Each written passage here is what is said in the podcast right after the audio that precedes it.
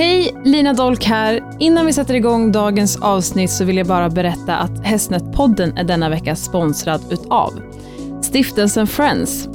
Vi är också sponsrade av Petgood som erbjuder insektsbaserat foder och godis för hund och katt. Danstan som är en försäkring för häst och gård. Och sist men inte minst Hjälm Protection System som är en säkerhetsutrustning för medvetna ryttare. Nu kör vi!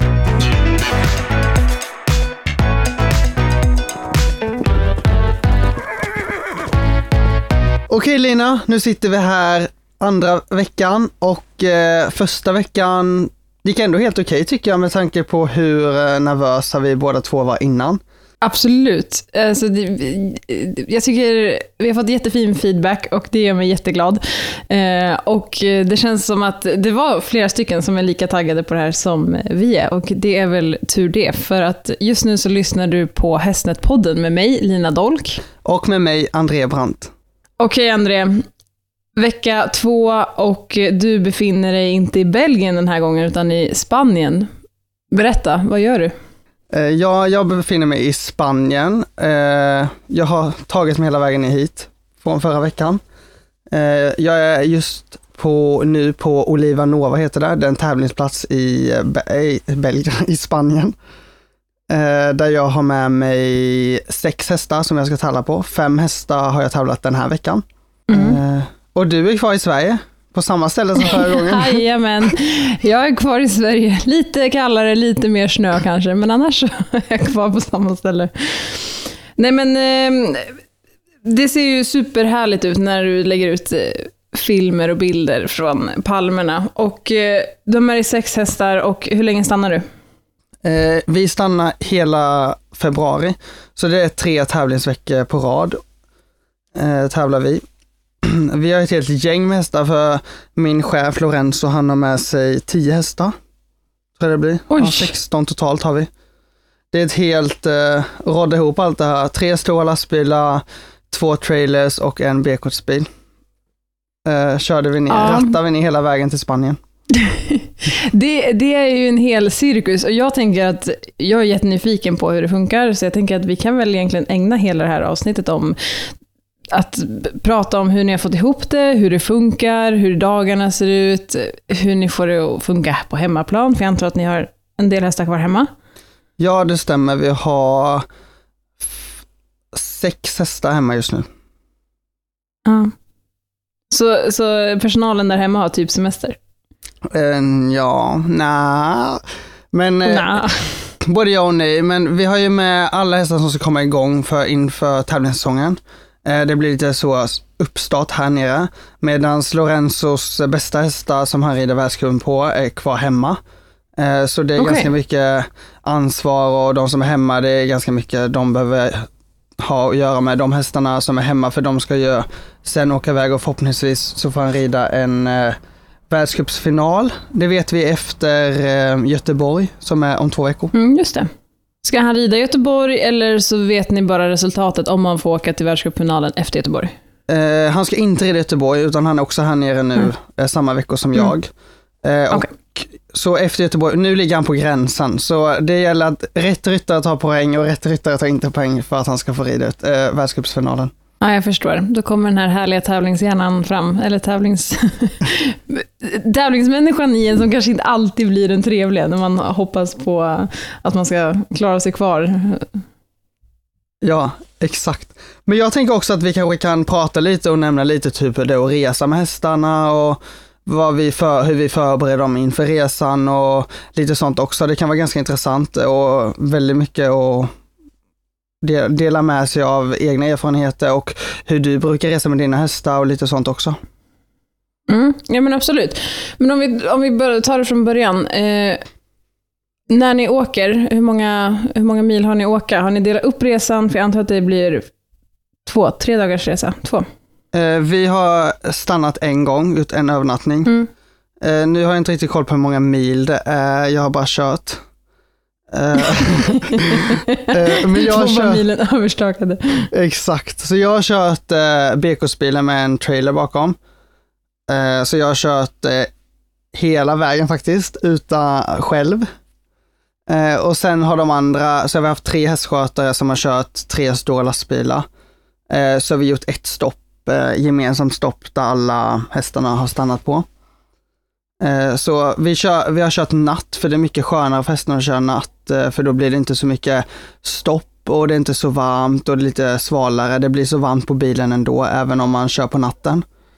Eh, mm. Och så rullar det på lite mer och man slipper all trafik eftersom att vi har fått köra genom lite större städer. Och sen nu så precis veckan innan som vi åkte så har det varit jättemycket strejker och sånt i Frankrike, att bönderna har varit ute på vägarna så det har varit väldigt mycket strul med sånt. Men som tur var då, eftersom att vi körde på natten, så har vi inte haft något, utan vi har bara kunnat köra straight forward hela vägen ner, eh, vilket vi är väldigt glada för och tacksamma för. Både för oss själva, men också framförallt för hästarna, så att de slipper stå i långa köer, och att de får stå ännu mer på bilen än vad de egentligen behöver. Ja, absolut. Det, vi brukar också, när vi har åkt eh, genom Europa, har vi också valt att åka natt. För att just i, i Tyskland och neråt så finns det ju risk för mycket köer. Eh, och de är ju inte roliga att stå i. Och det underlättar väldigt mycket tycker jag också att köra, köra natt. Det enda som eh, inte underlättar är väl sömnen hos, hos oss människor. Men när jag pratade med dig sist så hade du varit näpat två och en halv timme. Upp igen, så. Exakt. Men eh, nu är vi i alla fall, har sovit i kapp där, eller kapp, men vi har i alla fall sovit ordentligt och tävlingen är full gång. Jag har precis gjort första veckan. Men innan jag ska prata om det så tänkte jag bara lite som är ganska bra nu vet jag att man inte får tävla på det i Sverige, men man får tävla på det FI och det är en FI-tävling som jag är på här nere.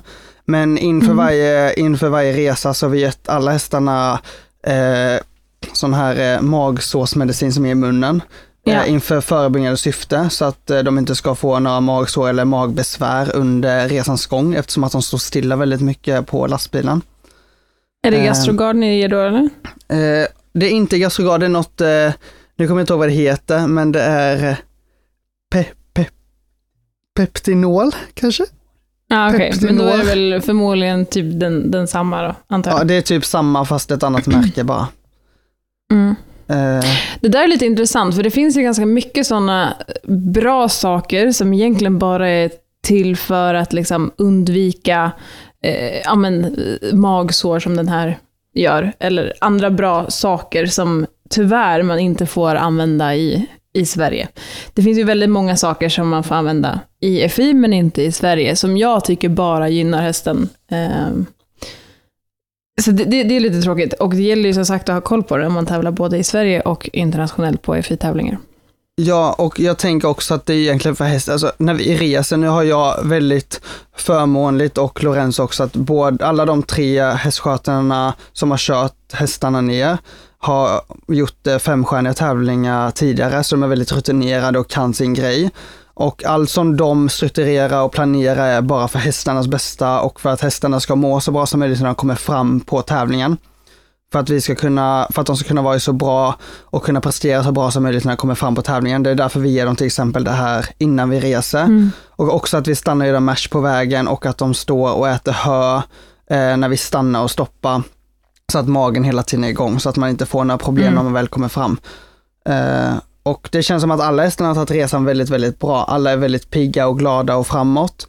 Eh, och vi valde att komma ner så att vi hann rida två dagar innan tävlingarna började, bara så att de verkligen skulle men få smälta resan och ja, men så att de verkligen kan vara fit for fight när tävlingarna börjar. Så hellre yeah. att man kommer ner en dag för tidigt än att man kommer ner, inte en dag för sent, men en dag tätt, eller mer tätt in på tävlingen.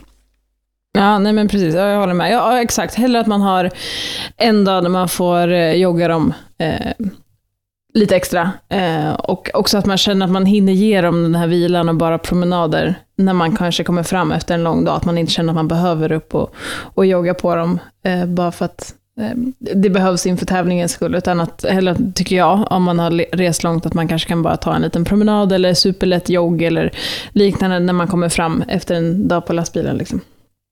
Ja, och också samma typ med när de reser de här fönsterna. Vi har haft fönsterna väldigt öppna så att det varit väldigt mycket luft i. Så de hellre fått mm. ha ett lite, lite tjockare täcke på sig bara för att det ska vara så, så frisk luft som möjligt för att eh, minska eh, transportsjukan och att de ska få ja, men, så att de ska få dåliga luftväg eller vad det nu kan vara. Eh, som kan sätta stopp för att de ska kunna prestera på tävlingen. Ja. ja, det måste ju som du säger vara väldigt skönt, framförallt när ni reser med så många hästar, att ha med sig rutinerade hästskötare. Eh, för just det här med transportsjukan och just bara de här liksom, rutinerna vid en lång resa, att det funkar och att det flyter på bra, är ju superviktigt för hästarnas prestation. Men reser ni med så många hästar ni gör nu, så går det omöjligt att ha koll på det själv på alla hästar. Så det måste vara skönt att ha med sig den uppbackningen i, i liksom hästskötarmässigt. Ja, jätteskönt och jag har själv inte rest så här långa resor tidigare med hästar. Jag har bara rest, eh, okej okay, jag kanske har gjort det någon gång så, men inte annars. Jag är själv inte så rutinerad på att resa så långa etapper med hästarna där man, de behöver stå på lastbilen länge liksom, eller att man behöver mm. övernatta flera gånger. Så det är väldigt tryggt för mig också eh, att ha dem med sig och att de har 100% koll och så lär jag mig jättemycket på vägen också. Vilket jag är väldigt glad och tacksam för också inför framtiden. Ja, men såklart. Men hur funkar det då? Eh, alltså, är det här hästskötare som du jobbar med hemma till vardags också, eller är det hästskötare ni hyrt in? För det funkar ju faktiskt så, har jag förstått, mycket i hoppvärlden, att många hästskötare liksom frilansar och sen så kan man anställa dem för specifika tävlingar. Är det här några ni känner till sedan innan? Eh, de tre som har kört ner lastbilarna är tre tävlingsrum som jobbar för Lorenzo och mig, så det är två från Lorenzos tävlingsgrooms och min tävlingsgroom som har kört ner hästarna. Eh, och sen har vi med en homegroom som är med och hjälper till eh, eh, här nere för att vi har så många hästar med.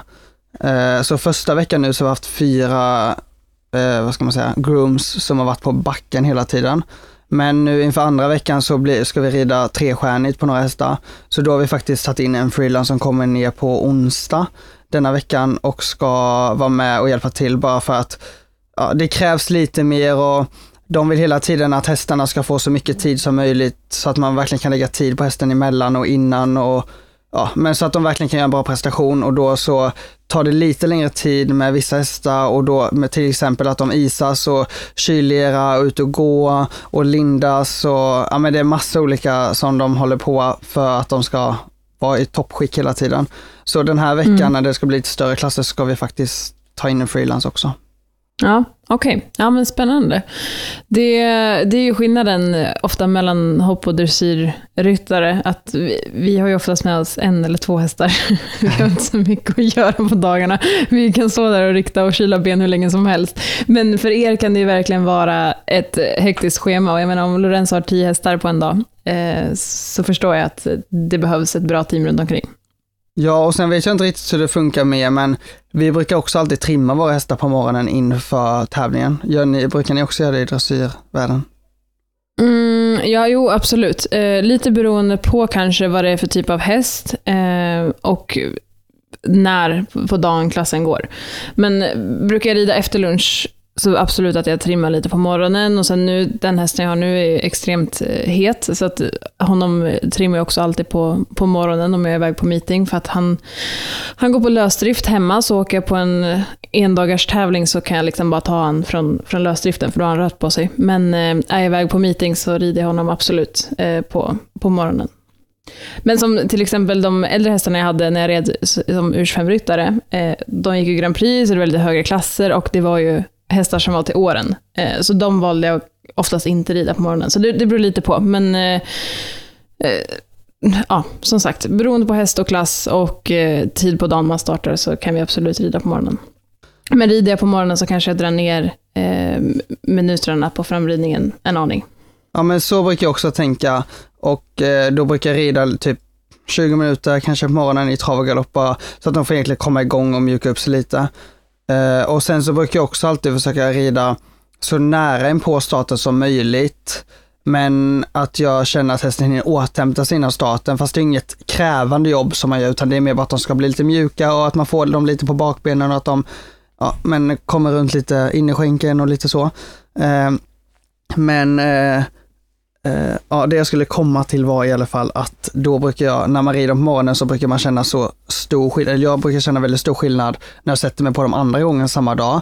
Uh, mm. Och då brukar man inte heller, som du sa, att man inte behöver rida på dem lika länge innan start, utan då kan man hellre dra ner det jobbet så att de verkligen är liksom fräscha och man känner att de är där man vill ha dem när man ska tävla. Eh, så det tycker jag är en väldig fördel när man kan eh, trimma dem lite, typ två, tre timmar innan start. När man är på meeting. Ja, absolut. Det måste vara speciellt för dig nu också, tänker jag, eftersom att du åker med ett team eller ett gäng hästar som du inte har tävlat innan. Eh, det tar ju oftast en stund innan man vet vilket upplägg som funkar för vilken häst.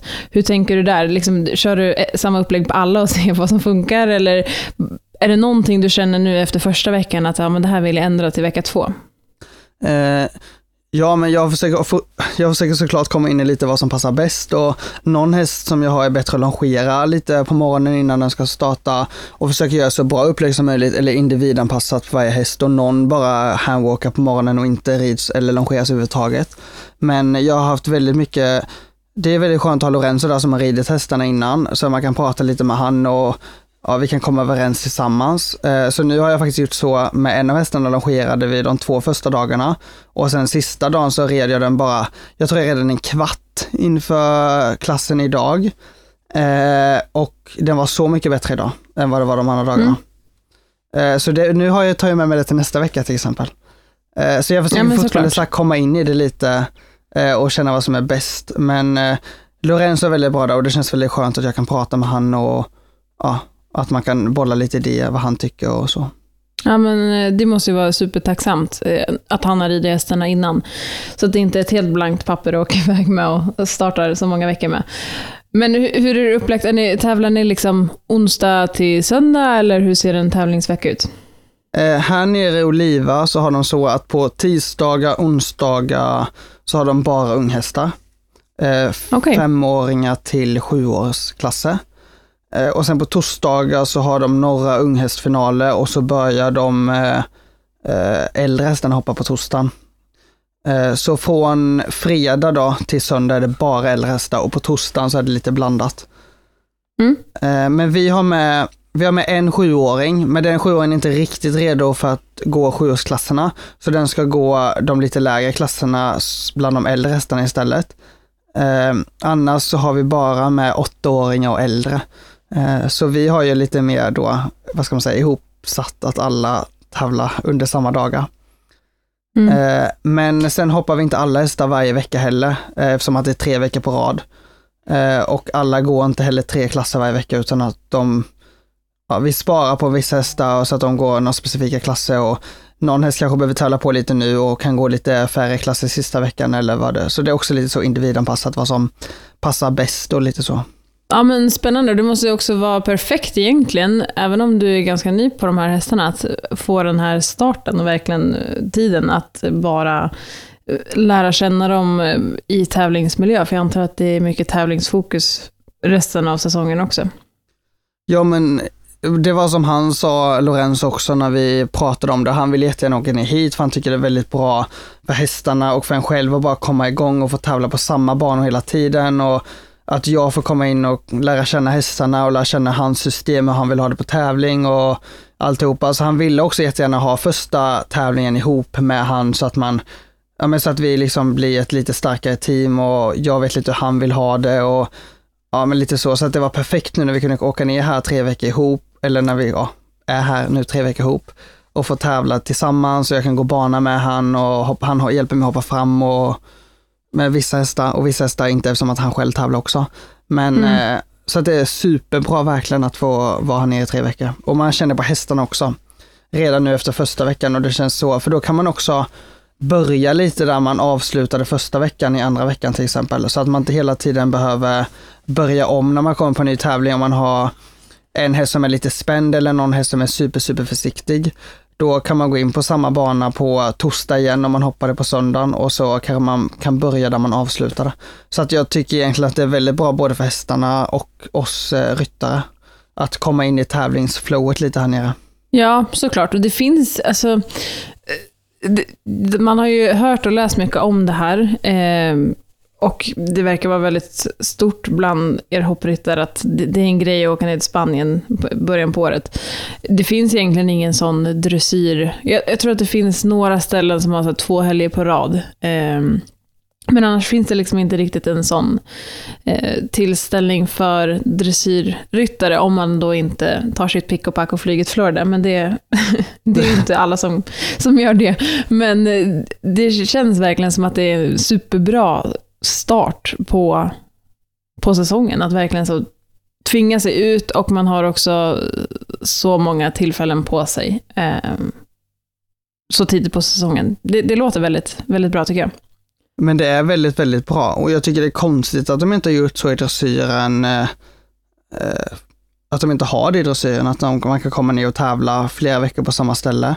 Eh, jag tänker både mm. för unghästarna och men framförallt också för de äldre hästarna. Jag menar det är superbra och alltså jättebra att komma igång och få verkligen en så kickstart och komma igång. Jag menar, man behöver inte rida alla klasser, eller oh, nu ska inte jag säga något. Man kan inte rida alla klasser för att vinna liksom och framförallt inte här när man är flera veckor utan då kanske man så bestämmer vilka klasser man vill vinna. Uh, jag också den här veckan red med 20 tidsfel totalt på mina 15 starter. Då låter det inte som att du har ridit för att vinna. Nej, det har jag verkligen inte gjort. Men innan jag går vidare på, innan jag går vidare på hur det har gått tävlingsmässigt, så tänker jag att vi borde liksom så försöka få igång en dressyrtour då. Tänker jag. Ja, absolut. Om du löser det så kommer jag till Spanien. Jag ska jag fixa. Lovar. Jag går till show office imorgon och frågar om jag kan ha en dressyrtour här nästa, nästa år. Ja. Jag är så trött på den här snön så jag åker jättegärna till Spanien. Ja. Nej, men alltså, vi får, vi, vi får klura vidare på den. Det är lite närmare till Spanien än till Florida, så vi, får, vi får jobba vidare på den idén. Ja, men Spanien låter ändå som ett bättre alternativ. Och lite mer rimligt kanske. Ja, absolut mycket mer rimligt att åka med tre lastbilar och en B-kortsbil och en släp och... Nej, jag skojar. Jätteenkelt, bara packa in lite snabbt och sen dra. ja, men nu har ni liksom hela den här cirkusen som ni är iväg med, har ni liksom hyrt in lastbilar eller har ni tre stora C-kortsbilar eller hur funkar det? Eh, Lorenzo har två C-kortslastbilar och en B-kortsbil och en trailer. Mm. Eh, och sen har vi lånat en stor lastbil av eh, ja, Lorenzos ex faktiskt. ja, men det är bra. Man ska ha, ha de där extra bra relationer så man fortfarande kan dra lite nytta. Exakt, exakt. Ja, Okej, okay. ja men då förstår jag. Så att, eh, men det är också intressant för att ni behöver ju så mycket plats om ni ska få med så mycket hästar. Men bara att ha två C-kortsbussar bara sådär, det är ju liksom... Det, bara det kräver ju hur mycket resurser som helst. Ja, verkligen. Och jag, alltså, unnar han verkligen att han liksom så, är så driven i det och han verkligen kämpar. Han försöker vara med och köpa hästar och sälja hästar och förmedla hästar för att få det till att gå runt. Och nu när han också anställde en till ryttare så var han ju tvungen att ha en till eh, lastbil, så han köpte den lastbilen bara någon vecka innan jag började, när jag hade bestämt att jag skulle börja. För att han mm. eh, visste att han skulle behöva en till lastbil om han hade en till ryttare eftersom att vi sällan kommer åka på samma tävlingar framöver. Eller några gånger kanske, men inte så ofta eftersom att han försöker rida de femstjärniga tävlingarna och jag rider väl de andra två och trestjärniga tävlingarna och kanske någon femstjärnig förhoppningsvis lite då och då. Ja. ja. Har du C-kort? Nej, det har jag inte. Nej. och det var jag så... Det, som... det var jag så nervös över när jag åkte ner och skulle provjobba, för han hade inte sagt någonting om det på telefonen. Och så det första, inte den första frågan kanske, men bland de fem första frågorna när vi satt i bilen från flygplatsen till hotellet där vi bodde på, så sa han och frågade, eh, do you have truck license? Jag bara, fuck, vad fan ska jag svara på det här? Jag bara, ja. Hade du tänkt att ljuga om det? Nej, men jag, jag tänkte jag skulle säga bara, ja men jag har påbörjat att ta det. Men jag sa bara, nej. Men då var han asskön. Han bara, okej, okay, then we just need to find a, a showroom that, ha, that has it. Jag bara, okej, okay, good. ja, ändå skönt, då kan ju du sova om hon kör, eller han kör. Ja, men nu fick jag ju faktiskt köra själv ändå, eftersom jag körde BKs bil. Ja, det är sant. Mm. Okej, okay, men då står C-kort på, på att göra-listan då, eller? Ja, så jag måste ha C-kort. Men har du C-kort? Mm. Jag har C-kort, men jag har absolut ingen C-kortslastbil. Nej, men då är i alla fall, det är i alla fall en bra början då. Ja, alltså jag tror att det var 2020 och det var corona och det var inga tävlingar och ja, ingenting. Så då tänkte jag att ja, då kan jag väl passa på att ta ett C-kort. Eh, inte för att jag behöver det så ofta, men jag tänker att någon gång kommer jag säkert komma till användning och eh, då har jag det där i bakfickan. Så att... Ja, och det är väldigt, väldigt bra och väldigt skönt att ha.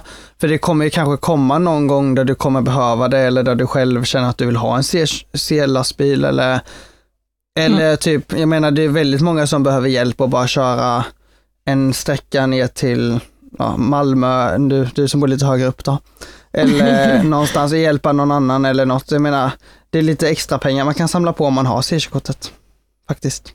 Du vet vem du ska ringa när du behöver en showgroom med C-kort. Eller bara någon som, eh, vi behöver bara en chaufför som kan köra. Då ringer ja. du. Absolut. Ja, nej men det, det är skönt att ha. Uh, och, och, jag har faktiskt, typ i Falsterbo är en sån tävling där det är jättesvårt att hitta boende.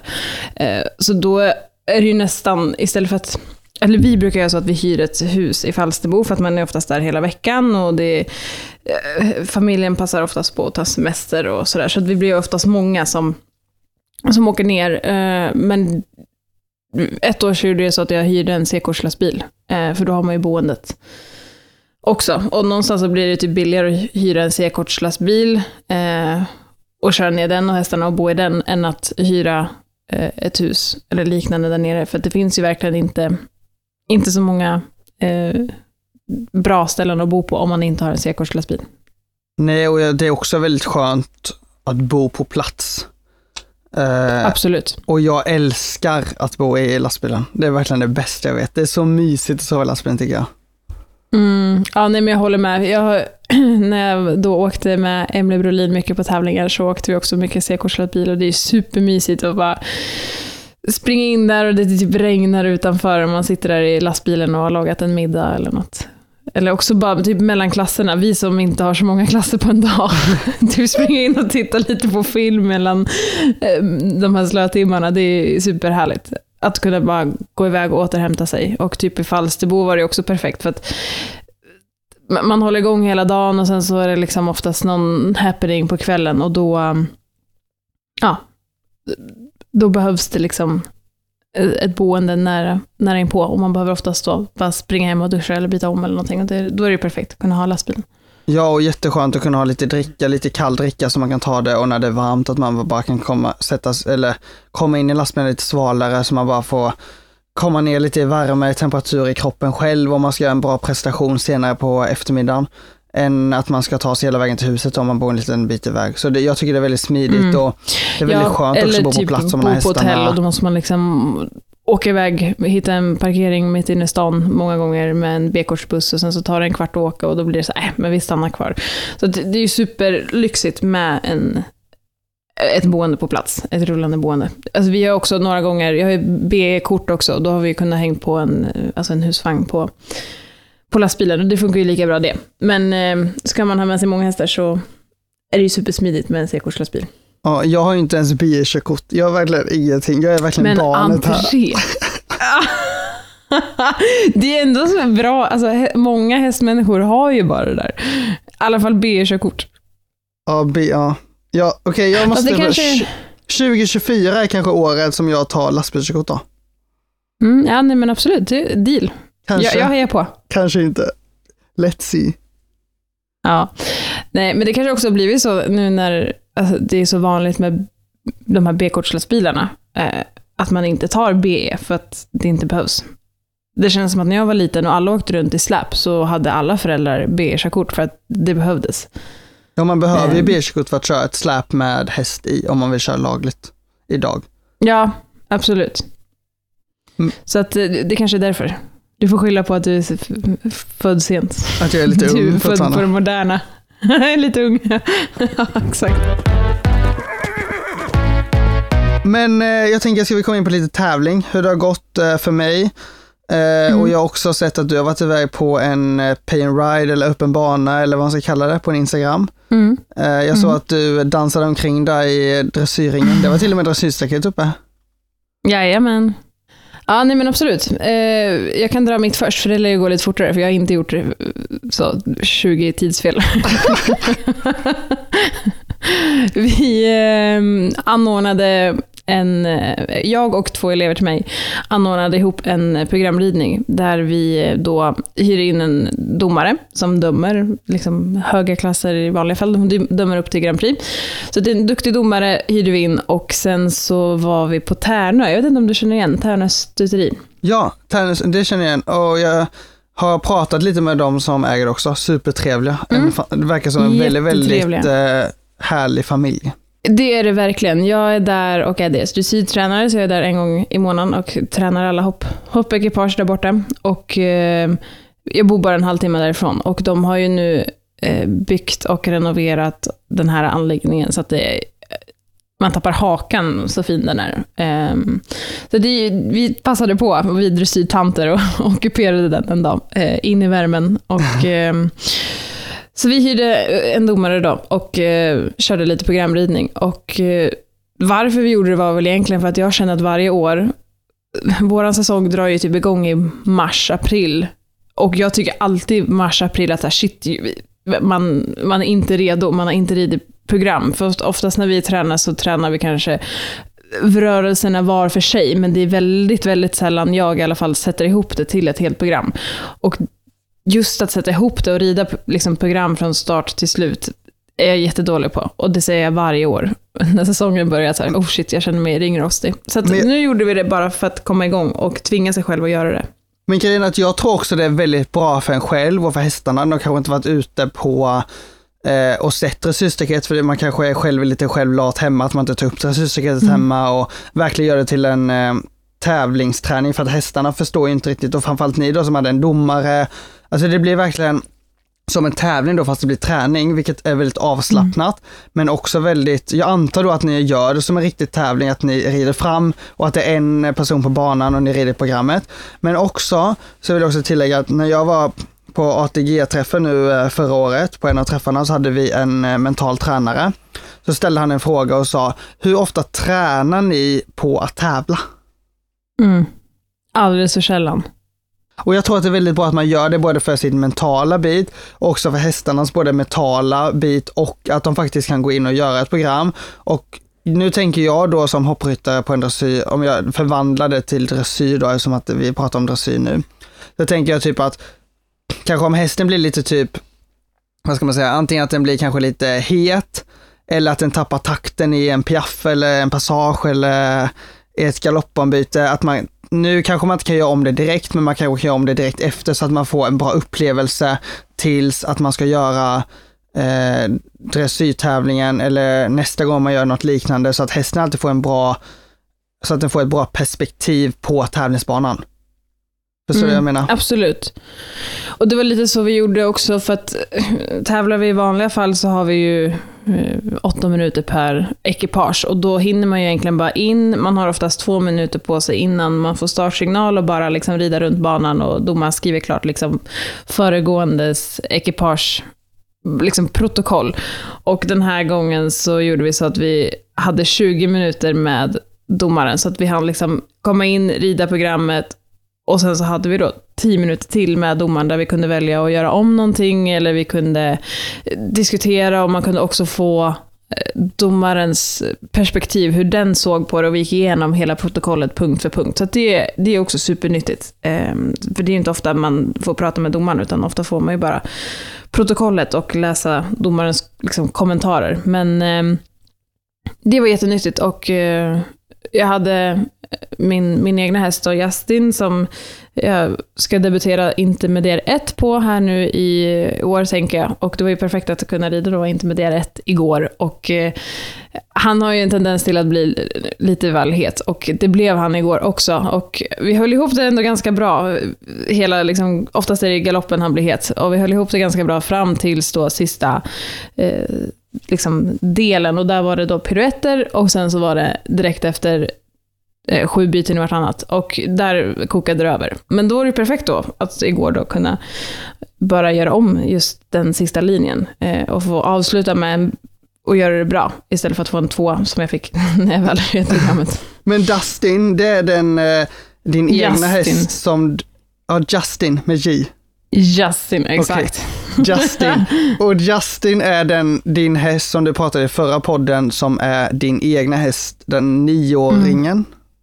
Ja, men jag, när jag lyssnade förra året, eller förra veckan, så insåg jag att han är ju tio, för det är nytt år, så tio är han. Okej, tio, okej, tio, men då var jag rätt mm. i alla fall, eftersom att jag bara visste ja. det som du sa förra veckan. Mm. Ja, det är i alla fall den hästen som du bor på lösrätt ihop med dina två ettåringar. Exakt. Mm. Kolla, jag kommer ihåg. ja, ja nej men exakt. Så honom hade jag med mig och eh, det var jätteskönt att få göra om det som då eh, blev lite väl hot eh, att få göra det igen och avsluta med en bra känsla. Och det var skönt att stämma av lite med domaren eh, vad hon tyckte. Och jag, jag höll med allt hon sa, så det var också skönt att man känner att man det är ju inte alltid man tycker domarna har rätt. Eh, men nu kände jag verkligen att vi pratade samma språk och hon var väldigt nöjd med formen och hon var väldigt nöjd med liksom många saker som jag också tycker är bra. Och just en sån sak som till exempel formen är väldigt avgörande. För tycker domaren inte att formen är bra genom programmet så dras det ju på varje punkt eller varje rörelse man gör.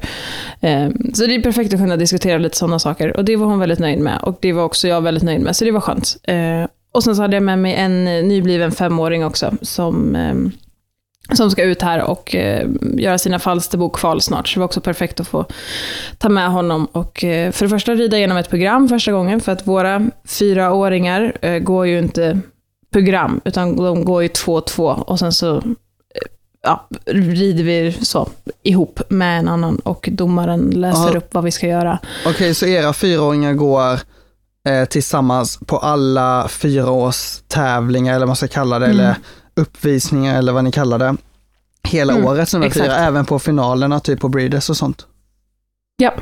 Men det tycker jag också är väldigt, väldigt bra. Jag menar för typ fyraåringarna kanske kan vara lite nervösa, lite skrikiga och om de har, eftersom att de flesta, i alla fall i min värld, de flesta unga hästarna är uppvuxna tillsammans med andra hästar i en stora flockar eller lösdrift eller vad det nu kan vara.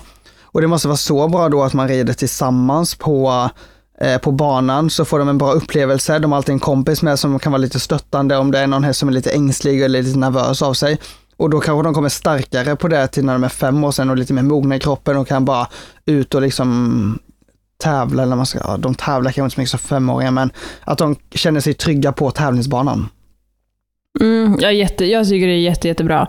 Det finns några enstaka fyraårstävlingar som då inte är de här större championaten, utan det är så endagstävlingar här och där, där man kan rida program på fyraåringarna, men eh, det är i princip helt borttaget. Så jag, just det här med att de går 2-2 tycker jag är superbra. Och vi ryttare är också väldigt liksom, hjälpsamma mot varandra. Kommer man in på en fyraåring som får lite scenskräck eller blir jätterädd eller något sånt, så hjälps vi alltid åt att liksom försöka ta draghjälp av den andra och den andra kan liksom rida in lite framför och ta med sig den hästen som är lite rädd kanske. Så att, eh, jag, jag, tycker att det är ett jätte, jättebra koncept eh, för, för fyraåringarna. Och framförallt när de går på kanske större tävlingar som Falsterbo eller Elmia eller liknande så är ju det en väldigt maffig arena för en fyraåring. Eh, och då är det perfekt att kunna ha en kompis med sig där inne.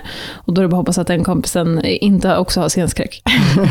Nej, men ofta så brukar det väl vara en av dem brukar vara lite mer framåt än andra tänker jag. Och det låter ju väldigt, mm. väldigt bra. Men nu backar jag bara, hoppar jag lite här till det du pratade om innan. Jag tänker det när du sa med dressyrdomaren som ni hade, att ni kunde prata och diskutera lite. Det måste vara superbra. Att man verkligen kan få en inblick hur den personen tänker, hur domaren i det fallet som ser det från 3D-perspektiv som inte har varit med i träningen eller ja, något, utan bara en helt som det är på tävling. Att man sen kan gå tillbaka mm. och prata lite diskutera. För så när jag tävlade dressyr de frågorna jag gjorde där så var det att man red in på banan, fick det och sen så pratar man inte med domaren efter. Så man har egentligen ingen aning vad den personen tänkte.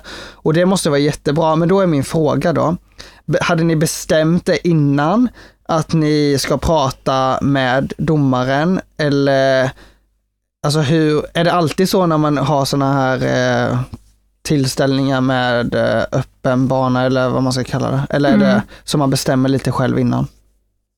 Nej, alltså det får man nog bestämma lite själv. Eftersom att det var vi som arrangerade det och verkligen gjorde det bara så. Det var jag och mina elever och några på Tärnö. Liksom. Det, var, det var väldigt så familjärt, så bestämde vi hur vi ville göra. Och vi ville ha så att vi fick 20 minuter då per, per ekipage. Så att vi hade tid att göra om någonting, eller vi hade tid att rida igenom hela programmet igen om allting sket sig, och vi hade också tid att prata med, med domaren. Så att, eh, jag tyckte det var jättebra. Och eh, framförallt att pusha mig själv till att rida program tidigt in i säsongen, så eh, var det jättebra. Eh, Ja men en jättebra så. Träningsgrej, bra tävlingsperspektiv, en bra boost för sig själv och att man bara gör det utan att tänka för mycket att det måste prestera, man måste vara så, utan att man själv kan vara lite avslappnad, gå in i tävlingsmoment, mom, tävlingsmomentet och i tävlingsmodet och göra en prestation, men man vet innerst inne att det bara är en träning, men man försöker verkligen göra det som en tävling. Verkligen. Och jag gjorde ju så att jag, jag knoppade hästarna och, och försökte göra det liksom så likt tävling som möjligt, så att de också känner på sig att det är något specifikt på gång. Liksom.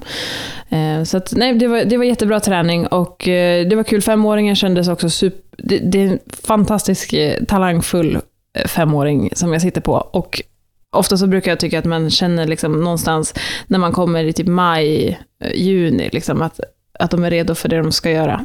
Ja. Men den här femåringen har känts väldigt redo redan i januari.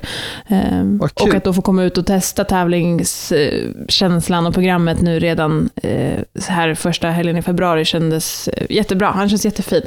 Så att med honom vill man ju bara att tävlingarna ska dra igång för att vi känns väldigt redo. Så det var skönt. Men kul. Det är alltid skönt när man har unga som man känner att de verkligen är redo för uppgiften. Så att man mm. inte känner att man kanske riskerar något att de kanske blir lite, nu blir de kanske inte skräddarsyr, men de kanske tycker att tävlingsbanan är lite obehaglig, du vet om man kanske gör lite för svåra saker. För framförallt på hoppningssidan, om man går in med typ en femåring då som blir fem, om det var fyra förra året, så hoppar de bara en meter. Och som femåring ska hoppa en 20, så det är ganska stort kliv mellan. Men då brukar man oftast börja då i en meter eller 90 centimeter. Men det är också ganska skönt att känna att de är mogna för det, att de är redo för uppgiften, eh, så att man sen bara liksom kan tävla på utan att man behöver stressa eller att man behöver mm. backa bandet för man gick in i för hög klass. Och det är också väldigt skönt, det måste vara samma med dig som du känner att din femåring är redo för femårssäsongen redan. Sen såklart att de kommer bli starkare under tiden, men man känner att de är där både i huvudet, i sinnet och att de är där i kroppen, att de är redo för att göra det. Ja, absolut, och den här hästen är väldigt stor eh, och man märker verkligen hur, vad mycket som har hänt nu bara sen eh, eh säsongen slutade förra året på Elmia och hur mycket som har hänt fram tills nu i februari. Det har hänt massor. Och den är säkert 1,75 i mankhöjd, så det är en stor häst. Liksom. Och det märks att det händer mycket nu, från att de är fyra tills att de blir fem. Eh, så det var planen nu när han är så himla med så här tidigt, att man kanske försöker sätta kvalen till Falsterbo eh, tidigt på säsongen så att man sen kan ge honom några veckors vila. För att det, det är han verkligen värd och eh, jag tror att det är bra för honom specifikt eftersom att han är så stor att få några veckors lugn eh, även mitt i säsongen. Mm. Ja, men det känner jag också när jag har haft lite större hästar. Men har du låtit den vila lite extra nu i vinter som att den var större eller har den haft samma vila som de lite mindre hästarna eller hur har du lagt upp det för att du nu redan känner att den är så stark i kroppen att den är redo för det? Mm. Den här är lite speciell. Eh, HP kallar vi honom för. Den lär ni få höra mer om i framtiden. Men eh, det är min eh, svägerska, säger man så? Alltså min brors tjejs häst. Ja, det blir svägerska antar jag. Ja. ja. Eh, det är hennes häst och eh, vi har haft den eh, i stallet sedan den var Ja, den, hon köpte den när den var två, så att vi har haft den liksom ända sedan dess. Så den har alltid varit väldigt väldigt med och väldigt, väldigt enkel att ha att göra med. Så att vi har kunnat ge den liksom längre vilor hela tiden för att den har liksom varit så med. Och det tror jag har varit väldigt bra för att den är så stor. Eh, men här när den var fyra, jag tror att det var i mars förra året, så fick den en fraktur. Den blev sparkad i hagen. Så den fick en fraktur, stod på eh, Sigtuna i, jag vet inte hur många veckor, Åt, åtta veckor i hängmatta. Eh, och sen så stod den tio veckor hemma på box. Eh, och sen fick vi ett igångsättningsprogram där den skulle så skitta fem minuter, skitta tio minuter. Sen när vi skulle börja trava så skulle den trava 30 meter och det är ju typ två kliv på den där hästen och så skulle den skitta. Och sen, ja. Så vi kände bara så här, herregud, det här kommer ju ta så lång tid.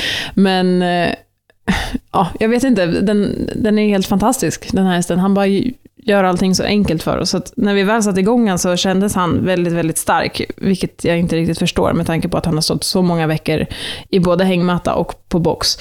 Eh, så kändes han superstark. Liksom. Det kändes precis som att jag bara hade gett han två veckors vila. Eh, bara, och satt Men upp igen. Kanske, det låter hemskt, men kanske att det kanske var bra för den stora hästen att den fick det här långa Mm. breaket. För att växa, den kanske växte in, eller växte, vad ska man säga, ihop i kroppen när den fick det här långa breaket då. Och sen blev det, kom den bara starkare ur det. Det låter kanske lite Mm. konstigt, men vissa hästar behöver men bara absolut. lite så längre break, alltså ett långt break, inte bara så en vecka eller två, utan kanske en månad eller två månader och bara så få andas, komma igång i kroppen, växa ihop i kroppen och sen bara är de redo för det. Absolut. Och jag hade med mig honom, jag var även i, i Danmark och tränade en månad eh, i februari förra året. Och då hade jag med mig den här hästen och det hände väldigt mycket på den månaden. Eh, och det här hände ju precis då när jag kom hem. Så att allt det som hände där hann den ju smälta och sen så vilade den ju i princip då från mars till augusti. Eh, och sen så hann vi sätta igång den och den kändes jättefin. Och vi hade ju såklart inga, inga mål eller inga liksom, planer med den för hösten, för att vi visste ju inte hur det skulle gå. Liksom. Men eh, när vi väl satte igång den så kändes den ju superfin, så då kvalade vi vi gjorde ett kval, eller en tävling, och då kvalade den till Briders, och så gick den Briders, och sen så gick den Elmia och vann Elmia, och sen efter det så fick den vila en längre period igen. Um, så att, ja, jag vet inte, den, den har bara gjort det väldigt enkelt, och den har verkligen funkat bra på långa vilor, så för Men- honom har det varit jättebra. Men vad fantastiskt då att den började året super, fick den här fakturen inte så bra, tråkigt. Men att den Mm. då vilade hela och sen så gjorde den bara en tävling och redo för det. Alltså fatta vilken mental stark häst det är egentligen. Och sen gå Mm. in på Elmia och vinna som fyraåring. Det är Mm. helt fantastiskt. Ja. Nej, den, är, den är verkligen helt fantastisk och han, han lägger verkligen liksom fokus, rätt fokus på rätt saker. Eh, så det har, ju- alltså han har gjort mitt jobb väldigt, väldigt enkelt. Eh, och så har han varit hela tiden. Alltså inridning, allt. Och han, han är verkligen, vi brukar kalla honom för liksom Ferdinand, för att när man går med honom eller när man hanterar honom från marken så ser han ut som Sveriges tröttaste, största häst, typ. Och sen så sitter man upp och det bara liksom eh, finns hur mycket i honom som helst. Så att, eh, ja, nej, det är, det är en häftig häst och det ska bli väldigt kul att se, eftersom att han känns så fin nu så här tidigt på säsongen, så ska det bli väldigt kul att se vad, vad han kan göra eh, den här femårssäsongen. Okej, jag har en fråga till då innan jag ska prata om min tävling här. Men jag tänker också om det här kring att eh, eh, som du nu då, den har inte gjort så många tävlingar som fyraåring. Jag tänker att för mig personligen tycker jag det är väldigt bra, för det känns som att det är väldigt många som tävlar, tycker jag, sina fyraåringar alldeles för mycket. Att de nästan blir lite ledsna och lite så trötta på den när fyraårssäsongen är slut, för att de har gjort så många starter som fyraåringar. Jag menar, de har många år kvar på tävlingsbanan förhoppningsvis. Och de måste alltid tycka det är kul. Eller jag, jag vill alltid att hästen ska tycka det, att jag känner själv att hästarna tycker att det är kul, att de uppskattar att de själva vill tävla, om du tänker hur jag tänker. Eller känner igen det. Men jag tänker den här då som du har matchat så bra, gjort de här två, tre tävlingarna och sen gör Elmia den vinner. Vilket, jag säger inte att alla hästar inte behöver tävla mycket, för vissa kanske behöver ut och se för att de inte är där mentalt. Men jag tror också att kanske många fyraåringar framförallt, att man kan dra ner antalet starter och kanske åka iväg och hoppa då på ett annat ställe eller låta dem vila lite och att de ändå kan prestera och att de kommer vara i kapp till femårs eller vad det nu kan vara. Mm. Ja, absolut. Eh, jag tror att många känner stress, och det, det kan jag komma på mig själv också emellanåt, och känna mig stressad eh, inför vad de ska kunna, men får man bara liksom ge dem den tid de behöver, så helt, helt plötsligt så är ju många i kapp och som du säger, vissa hästar kanske behöver ut och tävla, eller behöver ut och göra mycket miljöträning för att de kräver det mentalt, men absolut så har jag också reagerat på väldigt många, att de är väldigt Alltså, de är ute och tävlar väldigt mycket på sina unga hästar. Eh, och de är på alla kvaltävlingar och de kanske inte klarar kvalen och då åker de liksom på alla kval som finns och sen så lyckas de kvala, nej, men då åker de på finalerna också. Och sen, det finns ju ändå ganska många finaler att rida. Det är Briders och det är Elmia och det är Falsterbo. Eh, alltså det, det är tre stora meeting för en ung häst och jag kanske inte tycker att man behöver rida alla dem. eh, om man nu har en svenskfödd häst, utan man kanske kan välja två. Eh, och sen så behöver man inte heller rida alla kvaltävlingar, eh, utan man kan välja några stycken. Eh, så att, eh, jag håller med. Det, det är många unghästar som kanske tävlar väldigt mycket. Sen vet ju inte jag bakgrundshistorien om varför de tävlar så mycket, men jag tror att många tävlar lite för mycket kanske. Ja, och jag, tänk, jag tror också det. Jag tror att man kan chilla lite. Eh, sen förstår jag att många vill mycket, men man, man får inte glömma bort att de är unga och att de har många år framför sig på tennisbanan. Nej, verkligen. Och det, det är ju den här hästen ett väldigt bra eh, bevis på, att den inte behöver träna sönder, utan den, den har vilat sig i form i hängmatta och chillat. så att, eh, han, det funkade ju det med. Eh, så att nej, jag tror absolut att man kan eh, backa tillbaka och chilla lite och kanske lägga lite mer fokus på kondition. Det, det kan jag också tycka, eller har jag reagerat på, hur hästarna ser ut i kroppen. Dels så utvecklas de ju olika, men tittar man på många fyraåringar så är de väldigt, väldigt tunna. Och det tycker inte jag är en fyraåring ska vara, utan någonstans så kanske man behöver lägga eh, tid och energi på konditionsträning och liksom sådana saker också, så att de faktiskt byggs på de, de grejerna också. Ja, men eh, de behöver ju bara bli bra i kroppen. Det är det enda man tänker, eller det är i alla fall det enda jag tänker på på en unghäst som jag utbildar och utvecklar, att de ska vara så bra i kroppen som möjligt och bli så starka i kroppen som möjligt så att de ska få en bra grundfysik så att de kan klara av om det skulle, om de skulle få en skada eller någonting så att de verkligen kan försöka komma tillbaka så smidigt och så smärtfritt som möjligt från en skada. För att de har en bra mm. grundfysik i kroppen som uh, ung häst. Jag tror också att det är någonting som vi kan prata om i liksom specifika avsnitt. Så att vi får lägga det på minnet och eh, faktiskt tillägna några avsnitt om just den frågan. Dels hur vi tränar våra hästar, liksom hur vi lägger upp veckan för dem, men också kanske hur, hur mycket vi tävlar och hur eh, vi jobbar med rehab och, och hela den biten. Där finns ju massor att prata om. Ja, verkligen. Men nu har vi poddat jättelänge och nu vill jag verkligen berätta hur det gått för mig i Spanien. nu med dina 20 tidsspel, jag är väldigt, väldigt nyfiken. Jag kanske ska sätta en liten snigel-emoji på din kontakt här på min telefon. Ja men alltså verkligen, alltså alla, nu kan ni liksom så döpa mig till Andreas Snigenbrandt. Det är jag den här veckan kan jag säga. Men jag hade alltså, verkligen inte den uppfattningen om dig. Jag trodde du var en, en snabb ryttare. Det trodde jag också fram tills den här veckan. Mm. Det är som en käftsmäll kan jag säga. Det är som att de har grävt en grop och så har jag lagt min grop här och så har de täckt för. Och sen har jag fått liksom gräva mig ur under tiden jag fått startsignal. Ungefär den känslan har jag varit. Okej, okay. ja. det kanske är något med sanden i Spanien. Ja, nej, men eh, vi kom ner här då första dagen. Eh, eller första dagen, då trimmade vi, andra dagen trimmade vi, sen tävlade vi tredje dagen. Eh, eh, och då red alla hästarna. Och de kändes väldigt, väldigt bra och då var det liksom så lite förklass, så det var egentligen inte viktigt resultatmässigt hur det gick. Men då samlade jag på mig eh, ett tidsfel i en klass, två tidsfel i en klass, tre tidsfel i en klass. Så jag hade liksom hela skalan där. Men de kändes väldigt bra, inget så konstigt. Eh, och eh, på min bästa häst Mangoon då, den gick en eh, 1,40 som uppvärmningsklass. Eh, och om den gjorde det bra så skulle den gå eh, 1,45 rankingklass dagen efter. Eh, och den eh, red jag 0 plus 3 tidsfel i omhoppningen, så det var ändå liksom, det var ändå fine att den hade mycket tidsfel. Det var liksom inget så konstigt, utan det var bara en pre preparation. Eh, Hur mycket är tidsfel i sekunder då? Alltså i, här utomlands så är det ju ett tidsfel per sekund. Oj, okej. Okay. Medan mm. i Sverige så tror jag det är ett tidsfel per tre, fjärde sekund. Ja, oj, det är stor skillnad. Ja, så att det är ju inte så, när jag har två tid så är det bara två sekunder över tiden, så att det är inte så farligt. Eller det blir en sekund och 99 hundra, eh, hundradelar. Så att det är egentligen inte mm. så mycket så. Men i alla fall, och sen så dagen efter, då tänkte jag ändå tre tids för liksom, det är ändå ganska mycket. Dagen efter då så hoppade jag 1,40 på en, en häst. Då hade jag fyra tidsfel och då vände jag ändå innanför på alla ställen. Har de satt så tajt tidsgräns eller har du bara blivit långsam? Nej men alltså jag tror jag har kommit in, du vet när man inte tävlar på länge och så, så har jag bara ridit Ja. här på en liten training show här nere. De har typ så bara Alltså skolat runt, jag har inte riktigt kommit in i det här tävlingsflowet du vet. Alltså jag är liksom fortfarande Nej. lite så hemmaträning typ.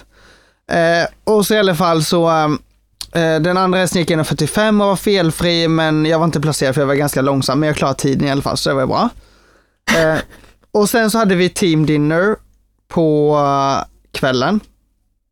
Och så sa, eh, så skämtade Lorenzo om att ah, ehm, you cannot ride with so many time falls. Jag bara okej. Eh, och sen så, han sa, eh, du, är bara, du har bara tillåtelse för att rida med tidsfel på en häst och den, den heter Derek och det är Lorenzos egna häst, den enda hästen som han äger helt, ens, eh, helt själv.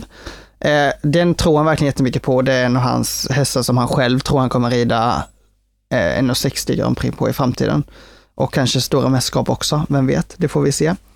Eh, och så det första jag gör dagen efter, då hoppar jag den här hästen. Det första på morgonen klockan nio. Och så rider jag in med fyra tidsfel. Jag bara, men alltså skämtar du med mig? Och jag, alltså jag tänkte verkligen på tiden, men det var, det var i alla fall bra, för jag fick rida med tidsfel på den. Det var liksom så fine med det. Eh, och sen så i alla fall så, ja, så skämtade Lorenzo och de andra i teamet om att ja, jag har tidsfel hela tiden och så. Men hästarna hoppade väldigt bra och det kändes väldigt bra första veckan här. Och sen så sista dagen idag, då, söndag, så eh, skulle jag hoppa Grand Prix, 1,45 Grand Prix på min bästa häst. Och så är jag fel på hinder. Men så får jag ett tidsfel för att det är en halv sekund över maxtiden. Aj, aj, aj. Och då vill jag bara skjuta mig själv i huvudet. Jag gick faktiskt in på Equip och kollade det var en ganska stor klass. Ni var väl typ 60, mer än 60 ekipage. Ja, det var 65 tror jag starter, 1,45 Ja. Grand Prix och så var det, jag tror det var 10 felfria, för jag blev elfte placerad. Jag blev till och med placerad på ett Ja. tidsfel. Mm. Så att det var egentligen väldigt, väldigt bra. Hästen kändes väldigt, väldigt bra. Jag menar, jag har inte ridit på den så länge. Det är första, eh, vad ska man säga, internationella stora tävlingen som gör på den. Så jag menar, ett tidsfel. Alltså, Lorenzo var supernöjd. Han tyckte hästen hoppade väldigt bra. Jag fick till en, i alla fall ganska bra ridning eh, på den.